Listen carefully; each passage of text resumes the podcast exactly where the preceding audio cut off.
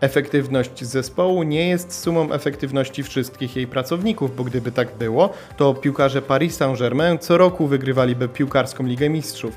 W jaki sposób budować więc zespół, jak unikać konfliktów w grupie i czy aby na pewno unikać ich za wszelką cenę, właśnie o tym będziemy rozmawiali.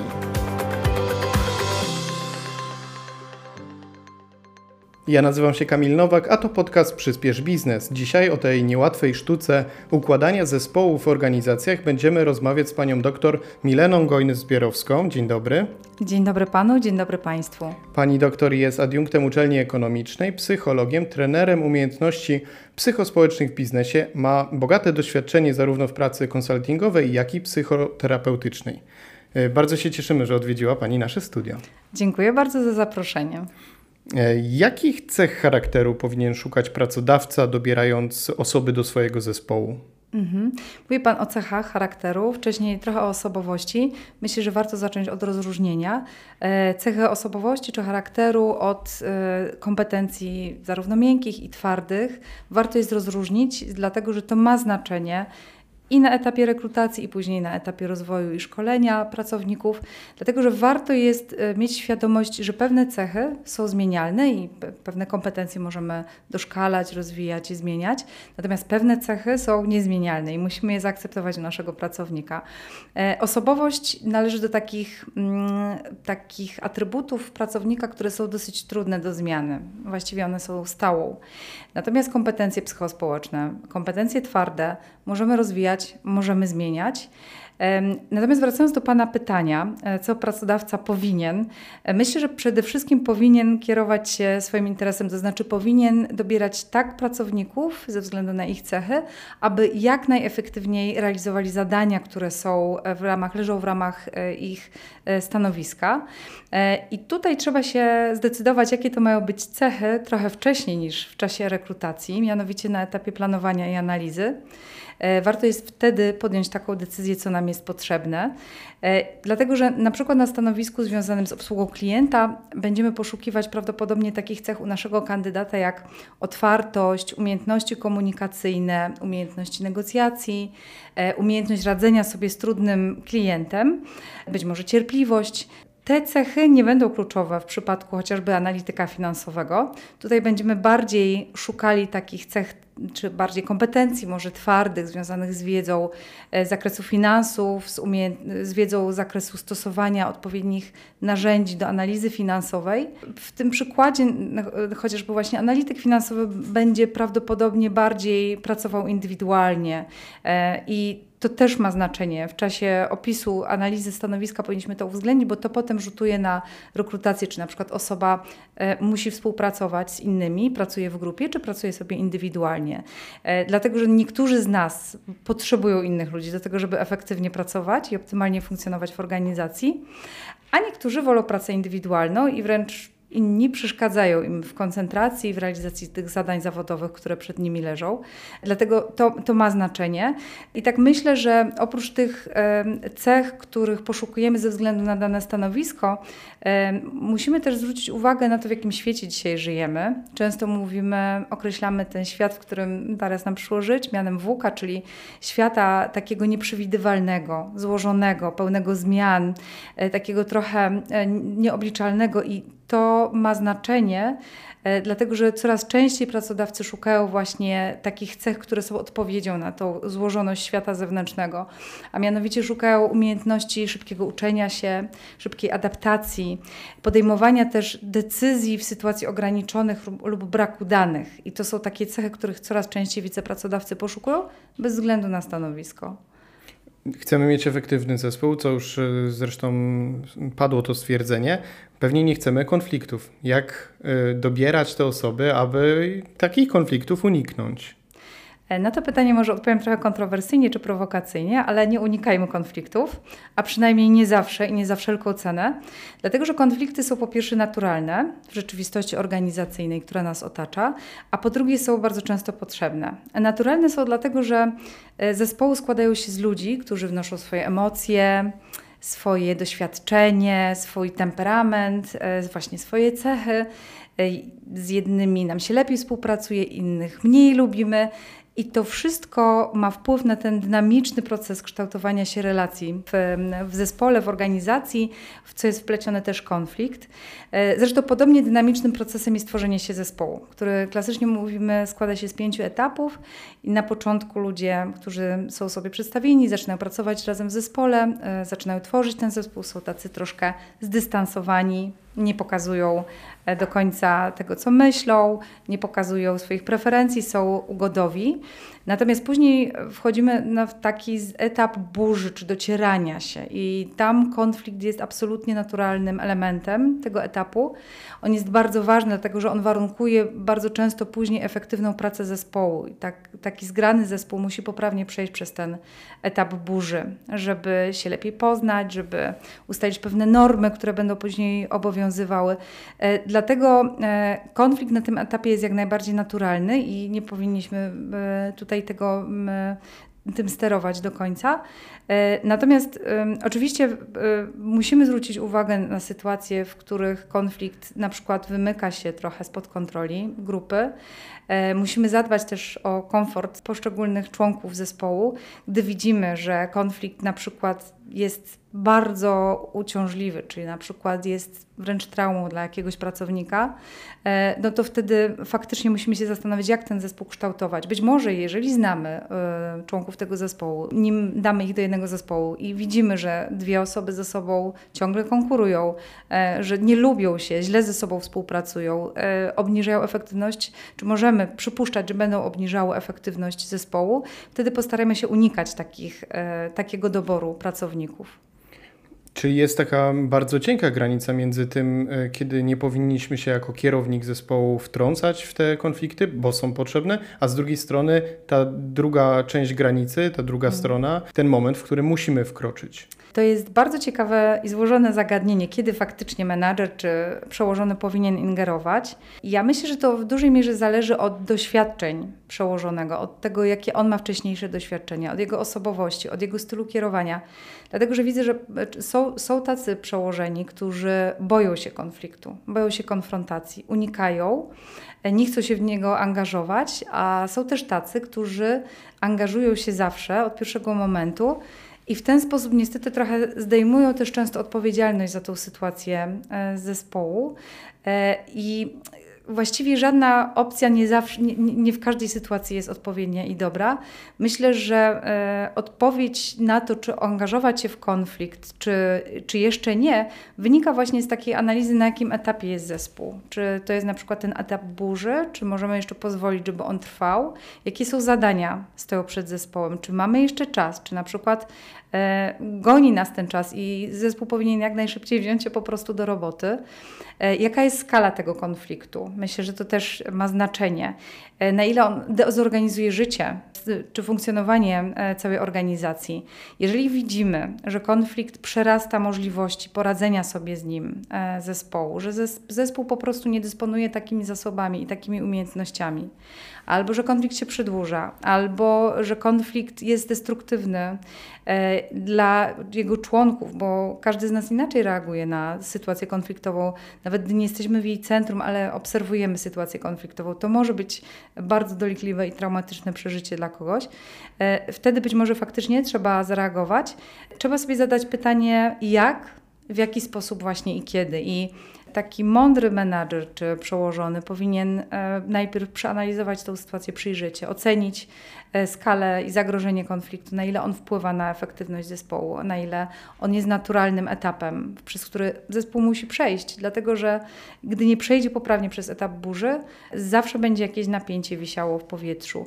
Konflikt też bardzo często umiarkowany, taki optymalny poziom konfliktu sprzyja efektywności zespołu, sprzyja e, mobilizacji członków zespołu e, do pracy. E, także warto jest się nie bać konfliktu, ale przyglądać się mu i analizować na jakim jest etapie właśnie zespół, co możemy, czy możemy coś z tym konfliktem zrobić, czy wolno nam, czy warto jest podejmować jakieś działanie, czy, czy, czy to będzie z korzyścią dla zespołu i dla tych procesów wszystkich, które się toczą.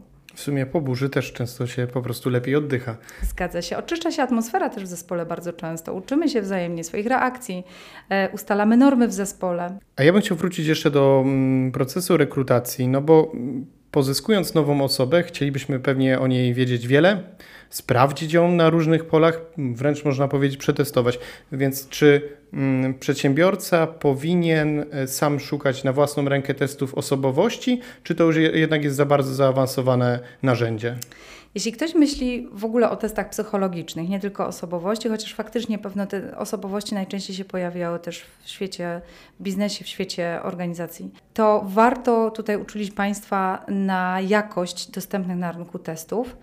E, I w największym skrócie, myślę, możemy podzielić je na takie trzy kategorie. Pierwsza kategoria to będą takie testy, które są bardzo trafne i rzetelne, są wiarygodnymi narzędziami, to znaczy faktycznie mierzą to, co mówią, że mierzą i w taki bardzo dokładny sposób. Ale to są narzędzia, które też są używane nie tylko w organizacjach, ale też w pracy klinicznej. One są dostępne faktycznie tylko dla psychologów za okazaniem dyplomu.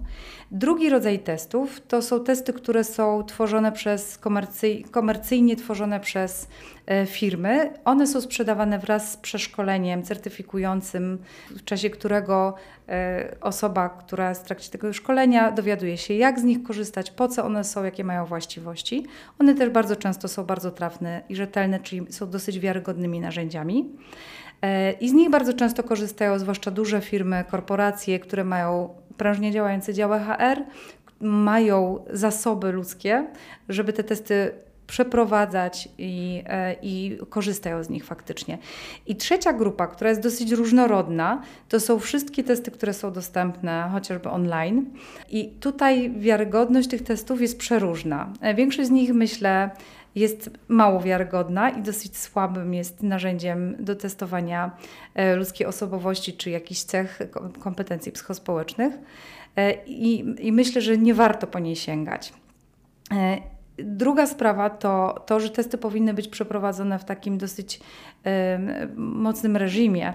To znaczy, pracownik czy kandydat na, na, na jakieś stanowisko, któremu proponujemy testy, powinien być poinformowany na temat e, zakresu e, testu, co on bada. Powinien ten test, czy jego wyniki być przechowywane w taki sposób, żeby nie miały do niego absolutnie dostępu osoby trzecie. Pracownik przyszły, kandydat nasz, powinien zostać poinformowany o celu tego testu i nigdy nie powinny te testy czy ich wyniki zostać użyte w innym celu niż ten, na który się umawiamy z kandydatem. Też warunki, w jakich przeprowadzamy testy są ważne. E, kandydat na stanowisko powinien mieć zapewnione ciszę, spokój. To nie może być tak, że na przykład kandydat wypełnia testy na korytarzu w organizacji i co druga osoba zagląda mu przez ramię. E, te testy powinny być faktycznie dobrze, ich wyniki przechowywane. E, także mm, w takich sytuacjach, w firmach mniejszych na przykład, czy na co dzień w takiej rekrutacji, myślę, że nie, nie ma potrzeby faktycznie sięgania po takie testy osobowości, bo testy osobowości sięgamy wtedy, kiedy e, dla danego stanowiska kluczowe są cechy osobowości. I kiedy faktycznie musimy wiedzieć dokładnie, na jakim poziomie kandydat ma rozwinięte pewne cechy, na przykład na ile jest ekstrawertywny, na ile potrafi wchodzić w relacje z innymi, na ile jest otwarty na nowe doświadczenia itd., tak itd., tak na ile jest sumienny. E, I e, bardzo często są to sta wyższe stanowiska. Z reguły używają ich właśnie firmy, duże firmy, korporacje, które mają, które mają odpowiednie procedury, które mają osoby, które potrafią przeprowadzać i interpretować, to jest też bardzo ważne ważne e, testy. W takich w sytuacjach codziennych czy w mniejszych firmach bardzo często wystarczy rozmowa kwalifikacyjna. Osoby zajmujące się rekrutacją są w stanie w rozmowie e, rekrutacyjnej wyłapać, na jakim poziomie te podstawowe cechy osobowości dany kandydat prezentuje. I to jest wystarczające. Także nie zawsze te testy są potrzebne, natomiast musimy mieć świadomość, że już chcemy ich używać i faktycznie mamy taką potrzebę, że są różne testy o różnej wiarygodności i że pewne warunki w czasie przeprowadzenia tych testów muszą zostać zachowane. Efektywność zespołu to nie jest suma efektywności wszystkich pracowników, bo jak już wspomniałem we wstępie, gdyby tak było, to piłkarze Paris Saint-Germain na dekady zdominowaliby światowy futbol, a tak się nie stało. Zatem co jeszcze wpływa na efektywność e, zespołu w organizacji? Ja myślę, że lista jest bardzo długa i nieskończona, ale myślę, że możemy sobie podzielić te e, rzeczy czy te czynniki, które wpływają na efektywność zespołu na takie dwie podstawowe kategorie. Pierwsza z nich to czynniki zewnątrzorganizacyjne, druga to czynniki wewnątrzorganizacyjne. I to jest bardzo złożona struktura tych wewnątrzorganizacyjnych jest. E, jeżeli chodzi o zewnątrzorganizacyjne, to uwarunkowania na przykład prawno-gospodarcze, społeczne, ekonomiczne, może nam się wydawać, że to są bardzo odległe czynniki, ale one pośrednio wpływają na efektywność zespołu, bo y, chociażby stopa bezrobocia y, może mieć wpływ na efektywność indywidualną pracowników, ale też zespołu. E, w sytuacji wysokiego bezrobocia możemy mieć, mieć poczucie zagrożenia większe, poczucie presji, żeby utrzymać e, efektywność, żeby mieć lepsze wyniki, żeby utrzymać się na stanowisku. E, to może właśnie mieć przełożenie. Teraz akurat jesteśmy w sytuacji od kilku lat w Europie i w Polsce, w sytuacji rynku pracownika, więc trochę sytuacja się odwróciła. E, natomiast jest to jeden z takich czynników zewnętrznych e, w stosunku do organizacji, który e, może mieć na pewno wpływ na efektywność w sposób pośredni, ale jednak. Jeżeli chodzi o te czynniki wewnątrzorganizacyjne, to tutaj z kolei można mówić o takich czynnikach na poziomie organizacji, jak klimat organizacyjny, jak kultura organizacyjna, chociażby wartości, które, które są wyznawane, czy które są utrzymywane w, w danej kulturze organizacyjnej, czy one są zbieżne na przykład z wartościami pojedynczego pracownika, e, bo to ma wpływ też na identyfikację pracownika z organizacją, właśnie na jego efektywność, e, co też się przekłada na jego pracę w zespole. E, na poziomie grupy, chociażby struktura grupy, chociażby zadania, jakie stoją przed grupą. Natomiast na poziomie indywidualnym, no to znowu bardzo długa lista. Odporność na stres chociażby. E, na ile pracownik jest w stanie efektywnie pracować w zespole pod, e, pod presją czasu, zadania, stresu, wyników. Doświadczenie, które wnosimy do zespołu. Możemy mieć doświadczenie, fantastyczne doświadczenie, pozytywne doświadczenie pracy grupowej. Cieszymy się na tą pracę e, grupową, jesteśmy w stanie się bardzo zaangażować, a może być zupełnie inaczej. Będziemy mieć negatywne doświadczenie w, w, pracy grupowej, będziemy mieć niskie poczucie bezpieczeństwa, będziemy się ukrywać za innymi, nie będziemy chcieli się tak angażować w pracę grupową, jak w tym pierwszym przykładzie. Czynniki właśnie, o których wcześniej mówiliśmy, osobowościowe, emocje chociażby. Także jest bardzo długa lista tych wszystkich czynników, e, indywidualnych, ale tych pozostałych również, które zachodzą czy pozostają w takiej wzajemnej, e, w wzajemnym wpływie względem siebie e, i tworzą taką unikatową konstelację. Dlatego każdy zespół jest inny i trudno jest znaleźć tak naprawdę jedną receptę czy jeden przepis na udany zespół. Bardzo często efektywność zespołu czy e, sukces zespołu leży właśnie w takiej niepowtarzalnej układance, e, w takiej uważności też menadżera w trakcie kształtowania tego zespołu. Na te niektóre czynniki typu makroekonomiczne, no, y, organizacja nie ma wpływu albo ma mhm. ten wpływ bardzo pośredni, o tyle na te czynniki już stricte organizacyjne, jak ta kultura, jakość pracy, to już jakby za to odpowiadają menedżerowie lub właściciele firm. Także to warto chyba, żeby i oni o tym pamiętali, że mają bardzo duży wpływ i przełożenie na to, jak poszczególnemu pracownikowi się pracuje, jak jest efektywny. Zgadza się. Jak mówimy o rekrutacji i o doborze poszczególnych pracowników do zespołu, to też warto pamiętać, że e, nawet stosując bardzo zaawansowane narzędzia psychometryczne, testy osobowości itd., tak musimy być bardzo uważni na tego drugiego człowieka, bo Oczywiście najłatwiej by było, gdyby wszyscy ludzie byli tacy sami albo podobni i mielibyśmy jeden klucz do zarządzania nimi do tworzenia zespołów, które byłyby cudownie efektywne.